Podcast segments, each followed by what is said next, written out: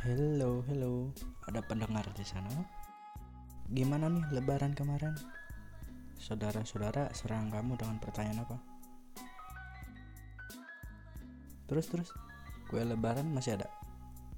Kue apa nih yang paling terakhir habis? Kamu gak lagi denger podcast sambil nyemilin sisa kue lebaran kan? Mama papa kamu apa kabar? Sorry sorry. Nanyanya kok sampai ke sana sih? Oke okay, guys.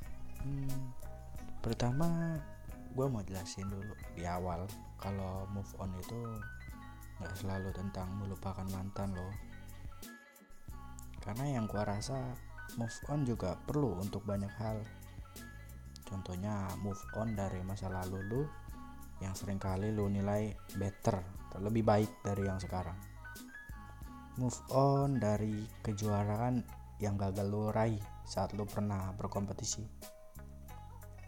Tahu move on dari mimpi lo jadi mahasiswa baru di universitas favorit lo dan masih banyak lagi menurut gue jadi gue sedikit cerita ya. Dulu gue pernah nih kehilangan gadget. Dan itu sumpah banyak banget kenangan di memori handphone itu. Foto video yang belum gue backup.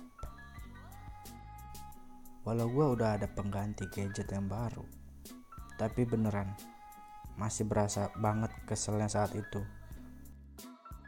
Dan singkat cerita gue memang harus merelakan dengan kata ya udah mau gimana lagi? gitu kan tapi memang ya, sering kali mudah di mulut untuk berkata tapi sulit di hati untuk terima.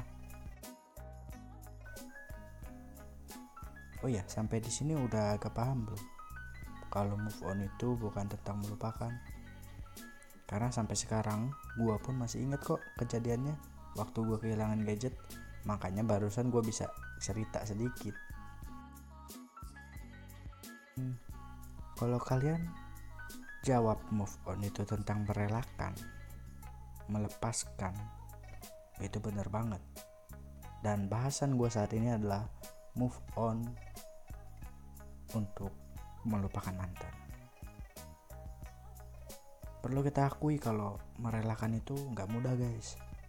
Ibarat pepatah mencari jarum di tumpukan jerami. Sulit banget tapi bukan berarti nggak bisa kan ya kalau merelakan itu sulit, justru melupakan itu nggak sulit loh. Tapi cukup beresiko.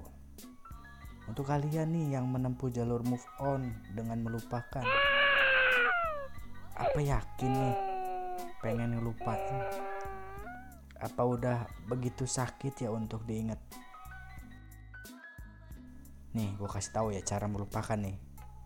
Jadi, Pertama-tama kalian perlu bantuan temen yang tegaan orangnya. Lalu suruh temen kalian gebuk belakang kepala kalian pakai benda tumpul. Eh iya iyalah benda tumpul. Kalau pakai benda tajam bukan ngegebuk, ngebacok namanya. Jadi kalau berhasil nih, kalian bakal amnesia. Tapi seperti yang gue bilang tadi tentang resiko, Nah resikonya kalau nggak mati ya paling jadi kayak agak-agak gitu. Jadi sempit banget sih mikirnya. Mau ngelupain. Lu bisa melupakan perlahan-lahan kalau lu udah merelakan. Tapi lu belum tentu bisa merelakan ketika lu sudah melupakan. Paham? Lu malah berpotensi jadi orang yang pendendam nantinya kalau lu coba move on dengan memaksakan diri untuk melupakan. Nih bayangin ya pas lu misalkan diundang ke nikahan mantan yang belum bisa lu relain, lu bakal dateng nggak? Kalau lu nekat dateng misalkan ya, dan lu nggak bisa kontrol diri lu, mau lu apain tuh rendang di pesta? Mau diem-diem lu campur irisan karet ban.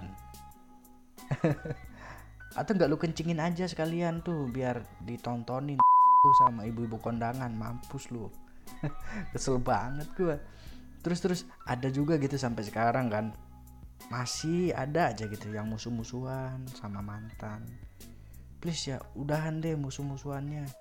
Kayak anak kecil banget. Biasa-biasa aja gitu loh maksud gua. Kalau damai kan enak sama mantan siapa tahu kan dapat jatah mantan. Bercanda bercanda bercanda. Move on itu masalah klasik yang sebenarnya males banget untuk gue bahas. Tapi mau gimana lagi ya? Namanya juga konten. Ya intinya sini ya gue kasih tahu. Bukan rahasia umum lagi tapi gue harus ingetin ke lo kalau kita sedari kecil udah disetting untuk mengingat dan menerapkan kayak contohnya makan. Cara berjalan. Ya kan? Dan masih banyak lagi cara yang kita ingat dan kita harus terapkan. Dan gue yakin lu tahu cara bahagia kan? Lu tahu cara bahagia jauh sebelum lu ketemu si dia.